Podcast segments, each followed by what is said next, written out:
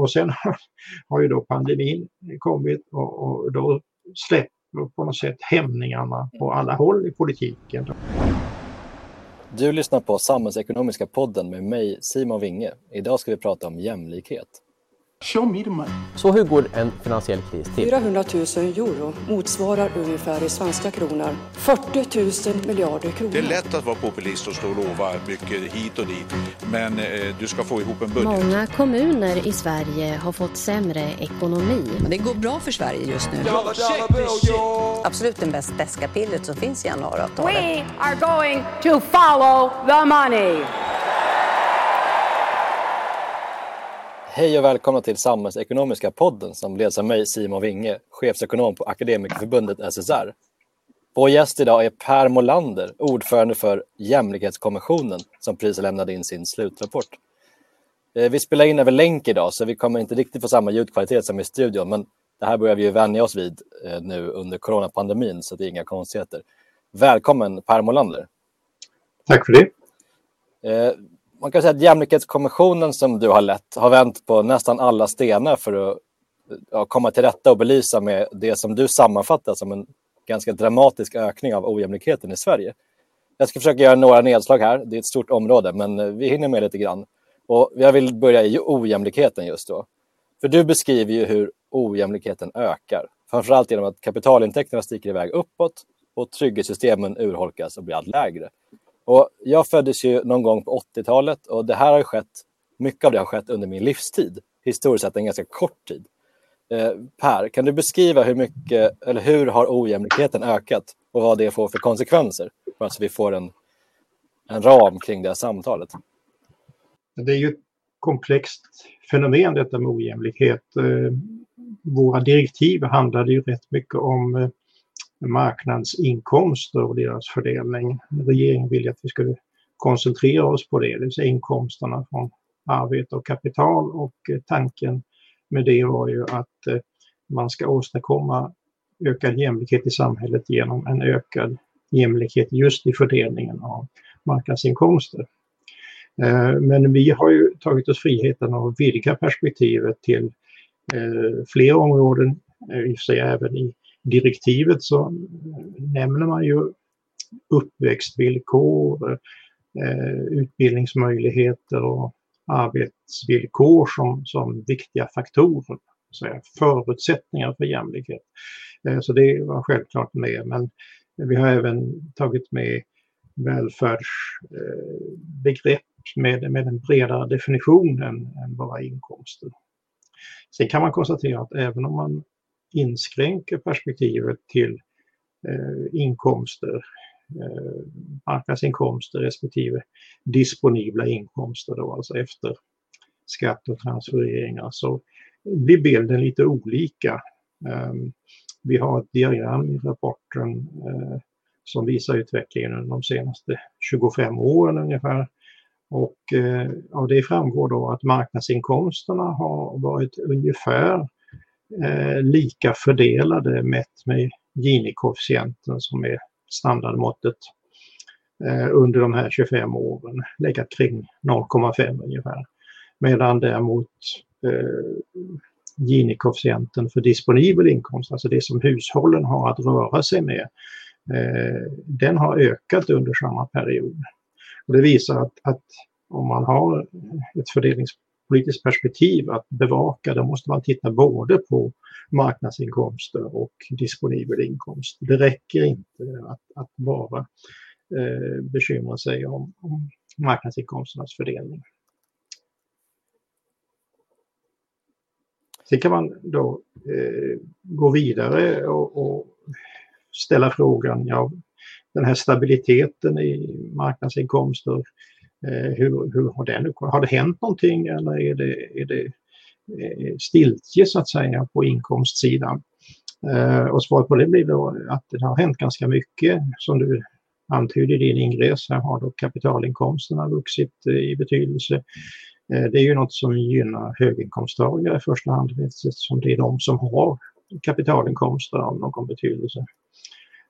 Och anledningen till att gini då har varit ganska stabila är att löneinkomsterna för de som ligger i skikten närmast under mitten, medianinkomsten, alltså den fjärde och femte decilgruppen som ekonomerna kallar det.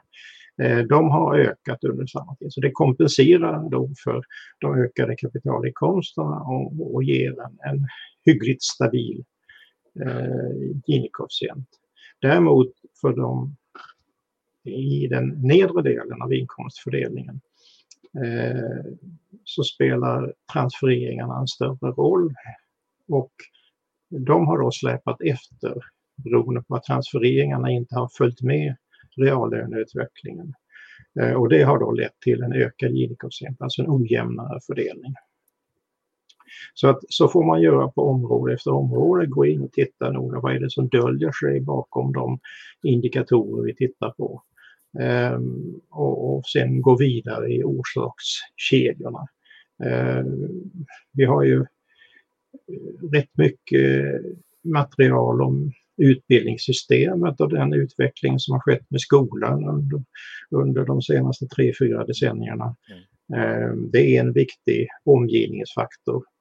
Eh, boendemiljön och grannskap som barn och unga växer upp i är också en viktig bestämningsfaktor för vad som sen händer i vuxenlivet. Så att det blir sammantaget en väldigt bred Eh, beskrivning av vad som har hänt under ett antal decennier och, och sen måste man då börja ställa frågor om vilka åtgärder som man ska vidta med samma bredd. Så att säga. Det finns ingen liten grupp av åtgärder som löser det här problemet utan man måste jobba både med förutsättningar och utfall. Eh, många politikområden involveras.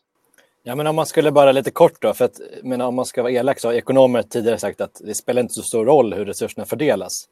Eh, men varför, om du skulle säga, varför är det här ett problem då, att det har blivit betydligt mer ojämlikhet?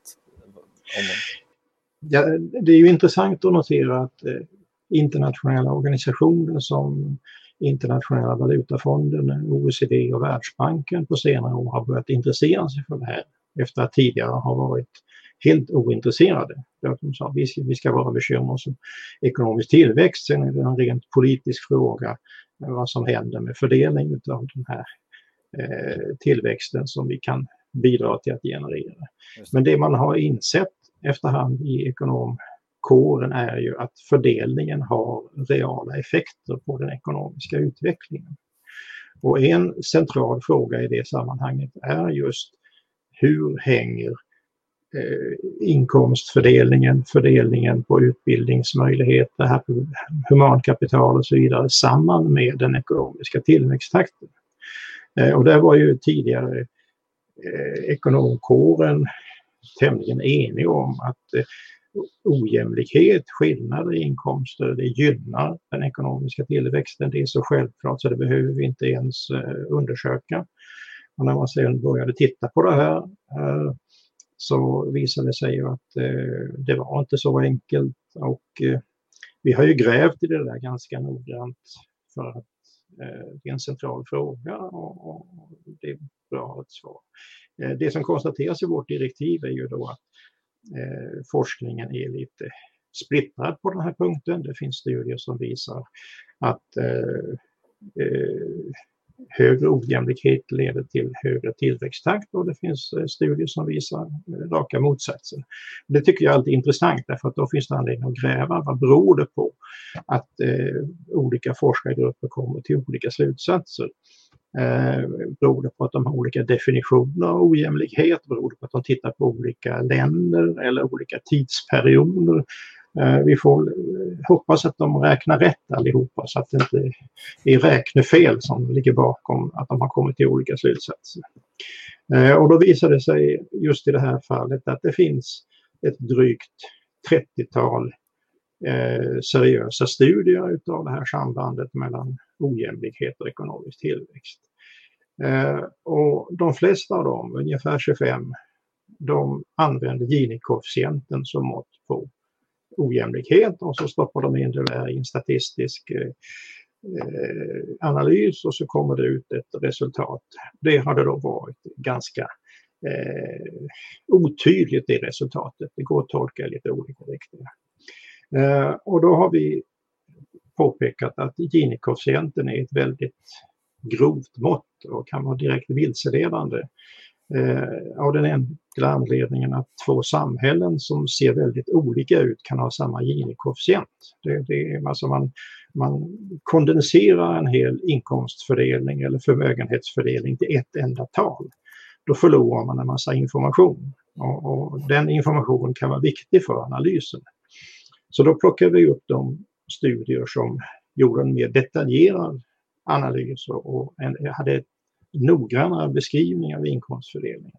Och I den mindre gruppen finns det ett ganska entydigt resultat, nämligen att ju högre andel av inkomsterna som ligger i de lägre inkomstskikten, desto högre är den ekonomiska tillväxttakten. Mm. Och då drar vi den slutsatsen. De där studierna är bättre gjorda än de 25 studierna som använt Gini-koefficienten. Så att budskapet är att en hög andel av inkomsterna till de lägre inkomstskikten gynnar den ekonomiska tillväxten. Det är ett ganska skarpt resultat eh, som ju punkterar eh, en stor del av argumentationen kring eh, ojämlikhet, eh, ekonomisk politik i allmänhet. På motsvarande sätt kan man titta på de andra säga, makrovariablerna som man mäter i ekonomiska eller sociologiska undersökningar, tillitsnivån i samhället, eh, den sociala rörligheten. Eh, och där finns, samma, där finns det stabila resultat och där är det egentligen ingen som har ifrågasatt ett positivt samband mellan jämlikhet och rörlighet och jämlikhet och eh, tillit. Eh, Eh, rörligheten har mätts både i internationella jämförelser ett stort antal länder. Eh, och här på hemmaplan i jämförelse mellan regioner till exempel så visade det sig att en hög ojämlikhet i barndomen leder till en lägre social och ekonomisk rörlighet. Så det är många indikatorer som pekar i samma riktning här. Ojämlikhet är skadligt för samhällsekonomin Uh, och, och, det finns ingen anledning så att, säga, att, att framställa det här som en kostnad utan tvärtom. Ojämlikhet innebär ofta att resurser går oanvända i ett samhälle. Just det. För det tror jag stod i direktiven att ni måste föreslå förslag som också ökar tillväxten. Så då, ja. det, det, är många förslag, alltså allt skulle inte bara öka jämlikheten utan dessutom leda till högre tillväxt. Är det korrekt?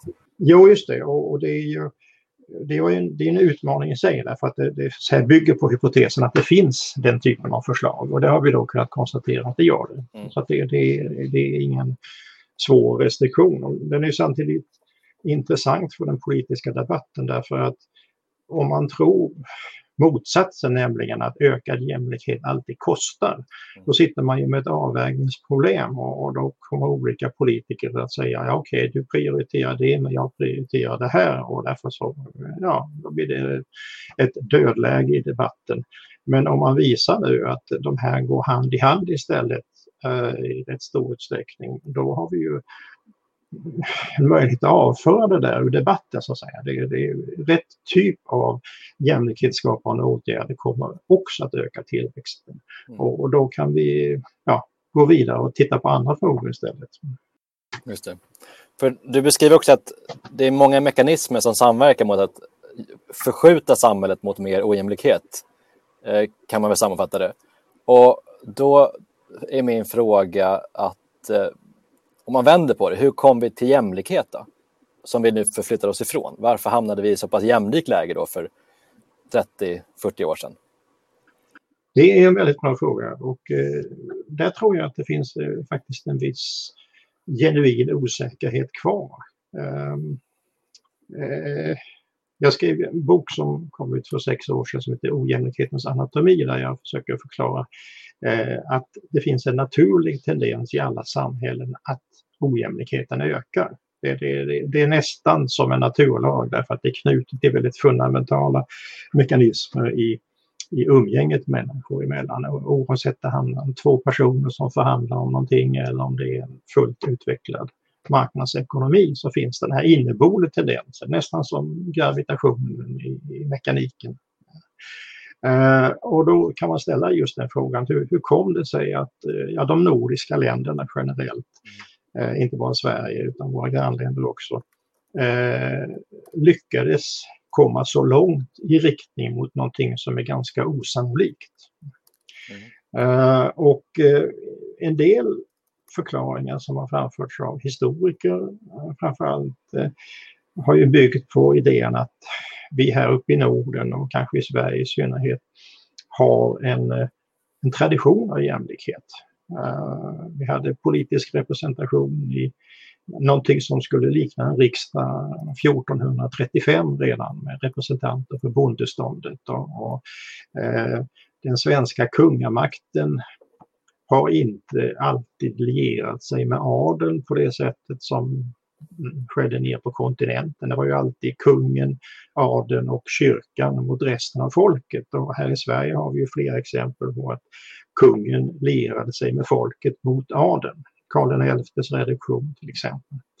Um, men det där har då ifrågasatts. Uh, det finns en ekonomhistoriker i Lund, Erik Bengtsson, som har skrivit intressant om det där. Han har faktiskt just kommit med en, en bok i det här ämnet eh, som heter Sveriges, eller världens jämlikaste land? Frågetecken, där han, där han verkligen eh, ifrågasätter den här beskrivningen och eh, landar snarare i slutsatsen att eh, det som åstadkoms där under efterkrigstiden, ja fram till 1980 kan vi säga, eh, det var resultatet av ett mycket framgångsrikt politiskt och fackligt organisationsarbete. Mm. Ja, det, det, det fanns inga naturgivna eh, förutsättningar som, som just predestinerade Sverige och de andra länderna i Norden till, till ett högt mått av jämlikhet utan, utan det var alltså hårt arbete eh, politiskt och fackligt. Eh, allmän rösträtt kom ju då ja, lite tidigare i våra grannländer. Eh, I Sverige 1919 formellt. Eh, det var inte exceptionellt tidigt. Det fanns, just efter första världskriget så hände det ganska mycket runt om i Europa på, i rösträttsfrågan. Den fackliga organisationsgraden var ju hög tidigare och, och den har ju varit internationellt exceptionellt hög och är fortfarande så. Ehm, och den, det, det är en är en viktig faktor i sammanhanget. Men samtidigt kan man ju fråga sig då, ja, hur kom det sig att man lyckades med den här fackliga organisationen i, i de här länderna? Det finns liksom alltid en fråga bakom. Men, men det gör att man kan vara lite optimistisk då framåt, att det är faktiskt det är politiken och ja, organiseringen som har gjort det möjligt och då borde väl det vara möjligt igen, eller? Ja, eh, väldigt mycket är möjligt. Ehm, men samtidigt har vi den här bakomliggande trenden som sagt. Mm. Eh, och, och, det finns ju internationella rörelser och det finns nationella rörelser i det ekonomiska systemet som, som drar i, i andra riktningar. Mm. Um, vi har en globalisering Eh, både på hela globala nivån och inom EU, en internationell integration som, som i vissa avseenden försvårar eh, facklig samordning. Och, och det är ju en gång så att kapital är rörligare än arbetskraft. Mm. Kapitalet behöver ingenstans att bo, det behöver inte prata. Det, det, man kan flytta en miljon dollar med en knapptryckning men, men eh, några tusen arbetare kan inte tåga till regeringskansliet och säga att de inte får våra önskemål tillgodosedda kommer vi flytta till Malaysia eller något annat avlägset land. Men det kan kapitalet göra. Mm. Så att, att globaliseringen eh, har eh, asymmetriska effekter på arbets och kapitalets eh, positioner i den här klassiska motsättningen. Så hur ska det producerade mervärdet fördelas? Ja, även inom Sverige eh, så, så, eh, finns det en stark rörelse nu sedan antal decennier mot storstadsområdena.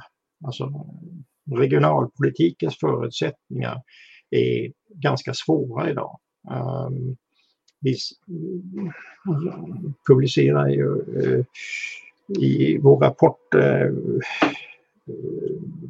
hänvisningar till eh, arbete som har gjorts nere i Lund också av ekonomhistoriker som, som visar den här eh, spridningen i Sverige från sent 1800-tal fram till ungefär 1980 då den regionala fördelningen av den ekonomiska verksamheten var som jämnast. Och efter det så har det då skett en ganska snabb koncentration tillbaka till storstadsområdena. Och, och Eh, det har då dels genererat problem i storstadsområdena, framförallt med bostadsförsörjningen. Eh, men, men det skapar problem också i de eh, delar av Sverige som missgynnas av den här utvecklingen. Så att, att de marknadskrafter som man har att kämpa mot i, på det här området, är, de är mycket starka helt enkelt. Och det krävs en rätt kraftfull politik som går utöver det kommunala utjämningssystemet för att väga upp den, den tendensen. Just det. Men för om man lyssnar på sånt som Piketty, då får man känslan av att det kanske bara är världskrig som kan rucka på den här tendensen mot eh, ojämlikhet. Är det något du håller med om? Nej, eh, ja, Piketty, eh, han brukar ju ändå inskränka sig ändå till de senaste århundradena och typ, till säga, kapital och inkomster. Det finns en eh, ekonomisk ekonomhistoriker av Österrike ursprung, Walter Scheidel, som numera är, bor i USA, som kom en bok för några år sedan som hette eh, Den stora utjämnaren, The Great Leveler, där han just drev den tesen att det enda som råder bot på den här naturliga tendensen till, till ökad ojämlikhet det är krig, pest och eh, ja, inbördeskrig i stort sett. Mm. Uh, men som jag påpekade i någon, någon uh, anmälan av den där boken så utelämnar han ju just den nordiska erfarenheten de nordiska ländernas historia från 1870 till 1970 visar att det går att kombinera ökad jämlikhet med stadig ekonomisk tillväxt utan bruk av våld. Det, det, går, det är ett kraftfullt motexempel mot Scheidels tes. Ja. För om, det är en fråga här som vi hänger över oss om man ska prata om politik och den fick, ni fick uppdraget innan den här coronapandemin slog till och ni var ju i slutfasen vad jag förstår när den kom. Eh, men påverkade pandemin ert arbete eller något av era förslag då när den rullade in? Det påverkade arbetet så tillvida att eh, halva mitt sekretariat mm. blev krassligt och fick sjukskrivas. Men eh, om vi ser till, till själva analysen så kan man säga att eh, i viss mening gav stöd för en del av de idéer vi hade och, och i andra avseenden skapade nya problem. Mm. Men eh, om vi tar en sån sak som den makroekonomiska politiken, överskottsmål och sådana saker, eh, så hade vi ju redan texter framme där med budskapet att eh, det finns anledning att ifrågasätta överskottsmålet. Eh, Eh, det har inte med pandemin att göra utan det har med immigrationen att göra. Mm. Eh, vi har haft ett, ett väldigt starkt inflöde av eh, människor från andra länder. Eh, de är i genomsnitt yngre än den svenska befolkningen.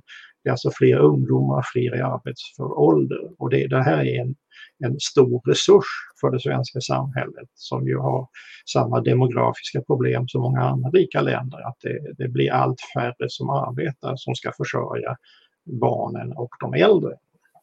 Eh, en förutsättning för att, att man ska kunna använda den här resursen är ju då att man investerar i utbildning eh, så att, att eh, de här människorna kommer in i arbetslivet eh, eller, eller i skolan om de är i den åldern och så kan hinna ikapp. Och, och detta är ju ett motiv för investeringar, det vill säga en, en skuldsättning på kort sikt för att generera högre tillväxt på längre sikt.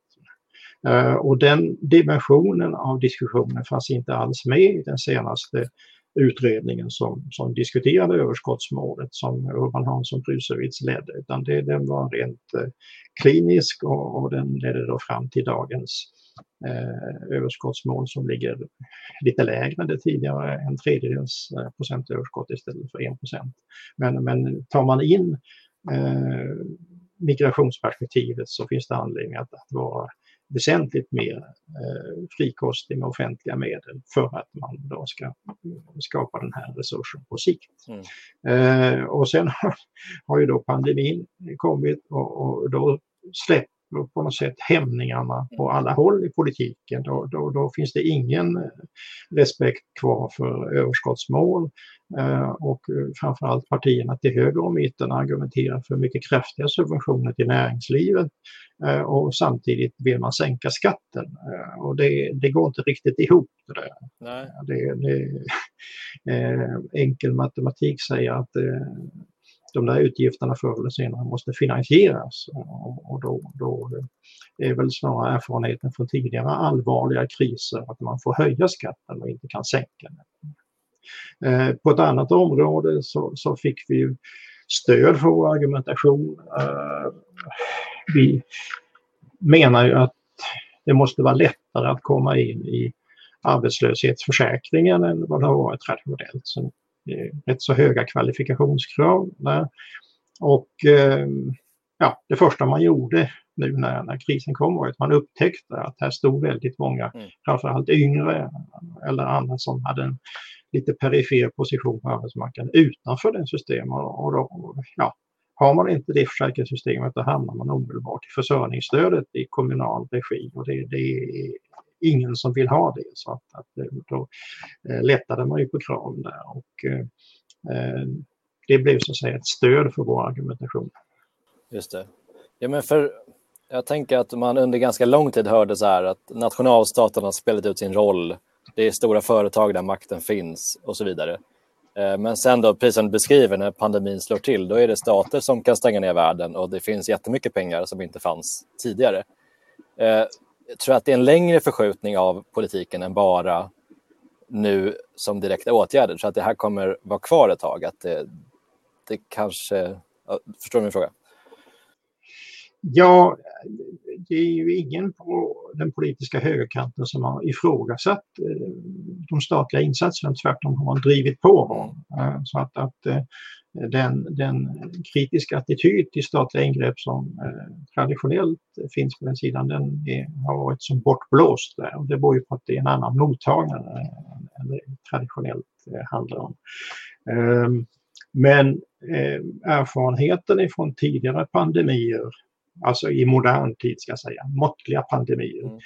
Har ju varit att ojämlikheten ökar. Mm Eh, som ett resultat av dem. Eh, vi citerar några uppsatser på detta tema.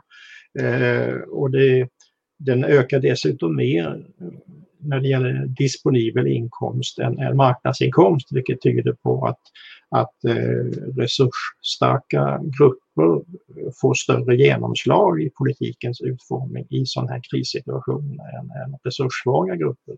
Därför att politiken spelar större roll för den disponibla inkomsten än för marknadsinkomsten. Mm. Eh, så att här finns all anledning att bevaka vilka åtgärder som vidtas eh, mot pandemin och följa upp dem noggrant eh, under och efter krisen. Eh, annars riskerar vi att hamna i en, en, en högre ojämlikhet efteråt än, tidigare. Ehm, ja, precis. Eh, du kom in på staten där och det, då tolkar jag din ingång som att den starka staten behövs. Du kommer närmare den från ett liberalt håll, skulle man kunna säga. Eh, men mottagandet av den här rapporten har ju kanske inte varit från borgerligt och högerhåll. Eh, så det, det, är många som har varit skeptiska och att den snarare plockats upp från vänster, alltså inte från ett liberalt håll. Vad tror du det beror på? Ja, det är en terminologisk fråga. Alltså, vi har nu under några decennier matats med eh, opinionsbildning där man har eh, använt ordet liberal på ett väldigt generöst sätt. Mm. Eh, man har identifierat liberalism som ju är ett väldigt brett begrepp innefattar yttrandefrihet, tryckfrihet, religionsfrihet och en massa olika friheter Eh, med ekonomisk frihet, vilket är en dimension av det här. Men, men eh, ska man garantera hela det här spektrumet av, av friheter så krävs en stark stat, för det gör inte marknaden. Tvärtom så finns det uppenbara motsättningar mellan krav på ekonomisk frihet och, och de andra friheterna. Eh, och, och, det är knappast överraskande att den politiska högern inte, inte uppskattar den bilden av problemet eftersom så mycket av argumentationen under senare decennier har, har byggt på den här identifikationen mellan liberalism i allmänhet och ekonomisk liberalism. Eh, sen är det ju en, en yrkessjukdom kan man väl kalla det hos ledarskribenter och andra professionella kommentatorer att man omedelbart kastar sig över förslagslistan. Mm. Alltså här har vi nu skrivit en rapport på 1150 sidor, två ungefär lika stora delar, eh, den första med fakta och den andra med övervägande förslag. Mm. Och, och, den första delen ignoreras helt och hållet utav de här opinionsbildarna. De kastas över förslagslistan och så går de igenom, eh, är det här vad vi brukar tycka om, då är det en bra rapport. Är det här eh, någonting annat så tycker vi illa om det. Mm. det ja, de gör sin, sin Eh, den, den, den uppgift de har betalt för och, och eh, tyvärr så blir den intellektuella nivån ganska låg i den typen av kommentarer. Vi skulle ju önska att man tittar på den första halvan också därför att det ger dem att tillägna sig de här fakta som vi har lyft fram eh, som vi kan komma framåt i debatten. Annars så blir det ju bara skyttegravskrig eh, med, med kända argument och, och, och, alla positioner är låsta. Eh, så att, att eh, förhoppningen är väl ändå att med lite mer tid så ska fler hinna läsa det här materialet och, och kunna använda faktadelen för att, att fördjupa sitt uh, tänkande på det här området. Det, det, det, är inte så lätt som det ofta framställs och, och en del av de här uh, ryggmärgsreaktionerna är ju direkt dysfunktionella för debatten. Mm. Men förhoppningsvis kan det kunna förbättras med lite mer tid. Den här rapporten ska väl så småningom remissbehandlas och, och, och riksdagens ledamöter har tid att sätta sig in i dels de områden som berör det, det de är mest engagerade i, om det nu är kriminal, kriminal, kriminalpolitik eller, eller utbildning eller vad det kan vara för någonting. Och sen även det här bredare perspektivet att eh, ojämlikhet är något, eh, något komplext där många olika politikområden hänger samman. Ehm, som med lite studiecirklar, eh, föreläsningar och, och eh, sakdebatter som inte utspelas inför öppen ridå så kanske vi kan komma lite framåt. Ja, men för du beskriver ju en problembild här och, som innehåller ganska stora förändringar över tid och rätt stora rever i vissa trygghetssystem. Men ibland så får man ju bilden av att många kanske tror att vi har en väldigt generös a-kassa och att vi är alltid jämlikast i, i klassen hela tiden. Eh, att det finns ett glapp där mellan uppfattningen och hur det faktiskt ser ut. Håller du med om att det finns en sådant glapp?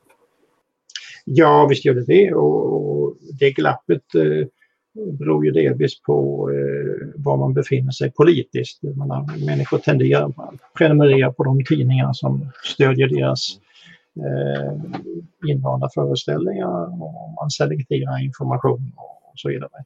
I synnerhet nu med sociala medier som spelar en rätt stor roll, då kan man ju välja eh, väldigt selektivt så att säga, informationskällor som, som bekräftar de åsikter man har. Eh, och eh, ja, du nämnde a-kassan. Eh, under den tid jag var chef för Inspektionen för socialförsäkringen så publicerade vi en rapport där vi gick igenom Eh, de viktigare förmånerna och deras utveckling från tidigt 90-tal fram till 2013-14. Eh, och mönstret var väldigt tydligt där. Vi hade haft en reallöneökning under den här perioden på 50 procent ungefär och eh, förmånerna hade legat i de flesta fall realt stilla ungefär. Mm. Så att det här gapet som har uppstått då, det, det fick, fick en detaljerad bild. När det gäller just a-kassan så var den ju till och med nominellt oförändrad eh, under den här perioden. Eh, det vill säga incitamentet arbete i förhållande till a-kassa hade förstärkts med 50 procent. Det är en oerhörd förstärkning alltså på den här dryga 20-årsperioden. När vi i andra sammanhang pratar om att belägga vissa oönskade beteenden med skatt. Då, då lägger man på 10% skatt eller någonting sådant. Ja, pant eller, eller miljöskatter. Här, här har man så att säga beskattat eh, transfereringsberoendet med 50 procent. Det, det, är en oerhörd skillnad. Mm. Uh, och man hörde inte någon uh, uh, på regeringssidan diskutera, är det nog nu? Säga, har, vi, har vi förstärkt incitamentet i arbetet tillräckligt mycket? Utan det, det, det är så att säga en kravmaskin som helt enkelt fortsätter. Vi måste göra det lönsammare att arbeta och vi måste göra det gynnsammare att starta företag. Och så där. det, det är så att säga en, en lite självspelande piano i den politiska debatten. Ja, men om man bara återkommer till höger-vänster-frågan där. För jag menar, du var med och utformade budgetreglerna som idag är liksom den absoluta mitten i politiken. Idag kommer du med de här eh, kommissions, kommissionsförslagen och de uppfattas stå till vänster. Eh, är det du eller politiken som har förflyttats? Uh, ja, det är en lite känslig fråga, men, men uh, alltså helt uppenbart har politiken förflyttats i Sverige under uh, de senaste decennierna. Det, den har drivit väldigt långt åt höger och det är ju resultatet av ett uh, målmedvetet opinionsbildningsarbete från högerkanten, framförallt Svenskt Näringsliv mm. och Timbro, Ratio och så vidare, där man har inriktat sig på framförallt unga borgerliga politiker och, och eh, försett dem med en världsbild som ligger väldigt långt ifrån vad deras företrädare hade. Det är ett väldigt stort avstånd mellan Gunnar Hedlund och Annie Lööf, för att ta ett, ett, ett mm. exempel.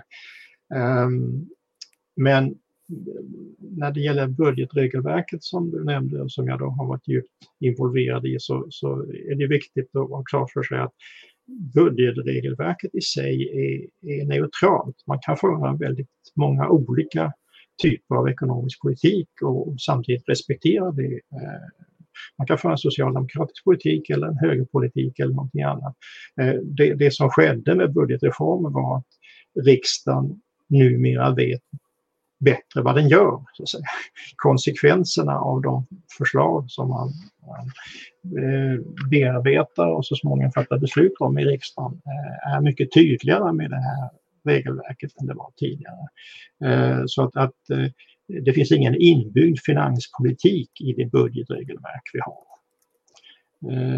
Tyvärr kan man ju notera att en del beteendemönster som har kommit upp nu i den besvärliga parlamentariska situation som vi befinner oss i eh, påminner om de som gällde före reformen.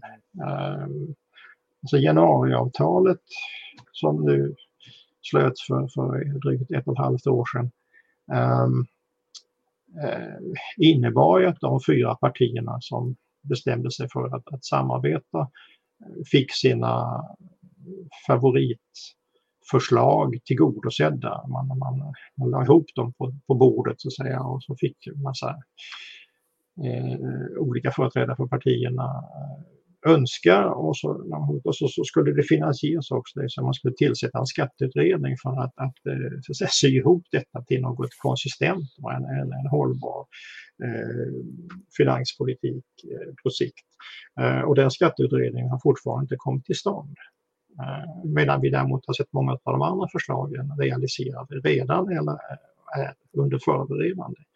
Och det är lite illavarslande, så att säga, därför att det, det, det, det, är en tendens till att glida tillbaka i de här lite oansvariga beteendemönstren som vi hade eh, under 80-talet och, och fram till reformen i mitten av 90-talet. Mm. Ja, för om man går in på det politiska spelet här då kring januariöverenskommelsen så precis som du säger, så i nästan alla länder så konstaterar man att man kommer nog behöva höja skatter för att ha råd med efterdyningarna av pandemin. Men beredningsunderlaget för höstdiskussionerna har ju nu varit om mycket sänkta skatter. Så det finns en väldigt stor glapp här mellan vad som diskuteras och, och vad som, ja, hur det ser ut. Hur ska man begripa det? Liksom glappet? Ja, det, det, det är delvis förhandlingstaktik naturligtvis. Eh, man har det, det är ju en eh, etablerad taktik att gå ut aggressivt för att man ska ha mycket att förhandla om så att säga. Men jag tror att eh, politikerna på den borgerliga sidan inom Centern och och Liberalerna mycket väl förstår att man kan inte ha ett generöst eh, subventionspaket till näringslivet på den nivå vi har eh, utan att finansiera det på något sätt. Alltså föreställningen att det där skulle vara självfinansierande det är vad Paul Krugman i något sammanhang kallar för voodoo-ekonomi. Alltså det, det, finns liksom ingen täckning för det. Utan, eh, eh all erfarenhet vi har från allvarliga kriser och krig är ju att skattenivån måste höjas, progressiviteten höjs. Alltså om man tittar vad som hände under och efter andra världskriget så var ju ett, ett lågskatteland som USA berett att gå extremt långt i den här riktningen. Man hade ju vad vi skulle kunna kalla för konfiskatoriska skattenivåer på inkomst som behölls eh, flera decennier efter. Det var egentligen inte förrän i slutet på 70-talet och sen definitivt med Ronald Reagans eh, presidentskap som, som man övergav de här väldigt höga skattesatserna på höga inkomster. Mm. Så att, att det, det, det, det är ohållbart att, att eh, ha en så expansiv finanspolitik utan att eh, tänka sig att det här måste finansieras med höjda skatter inom en, en ganska nära framtid. Ja, men för vi, då kommer vi in lite på förslagsdelen då. Vi har pratat problembeskrivningen, men för, för en sån där jag skulle vilja göra ett nedslag är frågan om indexering. För du skriver att det finns ju mekanismer mot ojämlikhet i samhället i sig men också inbyggt i politiken. Och ett sånt är ju då bidrag och ersättningar som inte räknas upp, utan de är kvar på samma nivå nominellt, så de sänks då i praktiken varje år. Och en lösning på det skulle vara att man indexerar det så att de räknas upp. Det gör man med vissa ersättningar, men många görs inte. Men du föreslår här en, en, någon form av tredje väg, att mellan nominellt oförändrat och indexering, att man måste redovisa om man avviker från en indexerad nivå. Kan du beskriva varför du valde den vägen? Ja, eh, alltså bara som komplement. Många av de här eh, transfereringarna är ju realt indexerade. Mm. Det vill säga de, de, följer, eh, de följer penningvärdet. Mm. De är inte, de, den här eh, hanteringen av a-kassan den var lite exceptionell eftersom den var nominellt oförändrad, till och med något sänkt under den, den period som vi tittade på. Eh, men så att säga mellan full följsamhet gentemot reallönerna och eh, realt oförändrat så, så, finns ju ett spektrum av möjligheter. Eh, och, och, det vi haft är ju då så att säga realt oförändrat som norm och sen har då eh, regeringen, den politiska majoriteten i riksdagen eh, kunnat göra utspel eh, där man eh, då höjer så säga, diskretionärt. Nu gör vi en satsning som det brukar kallas i den politiska terminologin eh, på pensionärer eller på någon annan grupp. Ehm, den andra extremen skulle ju vara full följsamhet, så att vi, vi eh, hade eh, eh, paritet mellan reallöneutveckling och de här transfereringarna. Och det är problematiskt därför att om man väljer den vägen så skulle man inteckna i stort sett hela utrymmet för, för finanspolitiken. Vi, vi, har ju en del andra system som följer, följer eh, makroekonomiska rörelser mer eller mindre med automatik. Och tar man en sån här stor del av utgiftskakan och indexerar den eh, med, med följsamhet gentemot reallönerna så blir det väldigt lite kvar. Eh, och eh, det, det är inte bra om politiken blir inlåst på det sättet. Så att, att det, det, vi föreslår är då säga, en, en ökad transparens, det vill säga att man ska ange det här som ett riktmärke men att varje regering naturligtvis har full frihet att välja en annan väg. Men då ska man tala om varför man prioriterar någonting annat istället och då får man en, en tydlighet i politiken som är, är eh, välgörande. Det blir svårare att eh, smyga undan långsiktigt viktiga förändringar på det sätt som vi har gjort nu under några decennier. Det säga att man, man vaknar upp 20 år senare och upptäcker att det har hänt något ganska radikalt. Ja. Det här blir då aktualiserat en gång per år i samband med att budgetdokumenten presenteras. För du eh, kom in på finanspolitik där och då skriver du att penningpolitiken har varit kreativ under en ja, ganska lång period, där, 20, 20-årsperiod, med quantitative easing under den senaste finanskrisen till exempel, men att finanspolitiken inte har varit lika använd. Så att penningpolitiken kanske måste kompensera för finanspolitiken. Eh, så vad borde vi gjort mer finanspolitiskt under den här tiden som vi istället har gjort penningpolitiskt? Då? Ja, man kunde ju ha gjort en del av det som vi föreslår i rapporten. Det är ju, det är ju korrigeringar kan man säga av några decenniers eh, underlåtenhetssynder som, som eh, rapporten handlar om i viss utsträckning. Okay. Men, men alltså den, den makroekonomiska opinionsbildningen landade ju där med riksbanksreform och, och så. Att, att eh, nu var det penningpolitiken som skulle sköta det här och finanspolitiken skulle dra sig tillbaka. Och, och, och vi kan ju konstatera nu med några decenniers erfarenhet att det, det där har inte gått särskilt bra. Eh, alltså vi har nu i slutet av en högkonjunktur innan pandemin eh, slog till eh, hamnat i, i, ett läge med negativa räntor, eh, eller allra som högst nollräntor. Eh, och eh, ja, man frågar sig så att säga, vad, skulle, vad skulle vi göra nu om det kommer en stor kris? Ja, nu kom den stora krisen eh, från ett oväntat håll.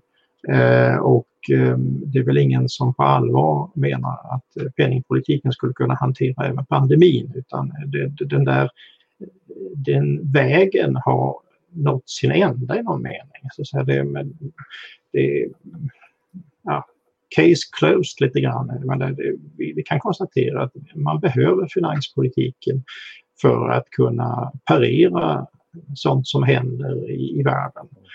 Eh, både på hemmaplan och, och globalt. Eh, och, och, det är väl kanske en av de, de goda konsekvenserna utav eh, pandemin som, som vi kommer att kunna ta med oss, nämligen ett, ett, ett återupprättande av finanspolitiken som ett eh, verksamt instrument för, för eh, makroekonomisk styrning. Eh, vi, ska inte, vi ska inte släppa penningpolitiken, men den, den, den, den får en lite mindre framträdande roll. Och den här föreställningen att allt ska kunna skötas i Riksbankens ledning, den, den är väl vid det här laget avgiven. Men om du då fick plocka ut en enda reform av din ganska långa lista som skulle ha störst effekt då, vilken skulle det vara? Ja, jag, jag tror inte jag vill göra det. Eh, det skulle så att säga gå emot eh, eh andemeningen i hela betänkandet, nämligen att det är ett komplex som hänger ihop. Så det går inte att lyfta fram någon, någon enskild åtgärd. Däremot någon, någon kategori eh, kan man väl säga, om vi ska karaktärisera det abstrakt så är det ju tidiga insatser, förebyggande åtgärder. Vi skriver ju ganska mycket i ett antal kapitel om, om vad som händer i den tidiga barndomen, under skolan, ja till och med under foster, fosterstadiet så grundläggs en del ojämlikhet. Eh, och eh, åtgärder mot det där kan vara väldigt kostnadseffektiva eh, och de, de bidrar till då att eh, vi kommer närmare idealet att alla barn ska ha samma livschanser, vilket ju är en idé som de flesta omhuldar, i alla fall i ord, över hela det politiska spektrum. Så att, att eh, eh, om vi kunde få lite mer tyngdpunkt på de förebyggande insatserna tidigare i livet, då kommer det handla om, om eh, mödrahälsovård, om eh, förskola, skola, eh, uppmärksammande av problemfamiljer där det kan finnas Eh, risk för skolmisslyckande som leder till kriminalitet. Menar, den här intensiva diskussionen vi har nu om kriminalpolitik i riksdagen och i en särskild utredning på Trygghetsberedningen, den är ju nästan helt fokuserad på eh, repressiva åtgärder, alltså längre straff, eh, hårdare straff och, och mer långtgående batteri av åtgärder för, för eh, polisen och eh, så vidare.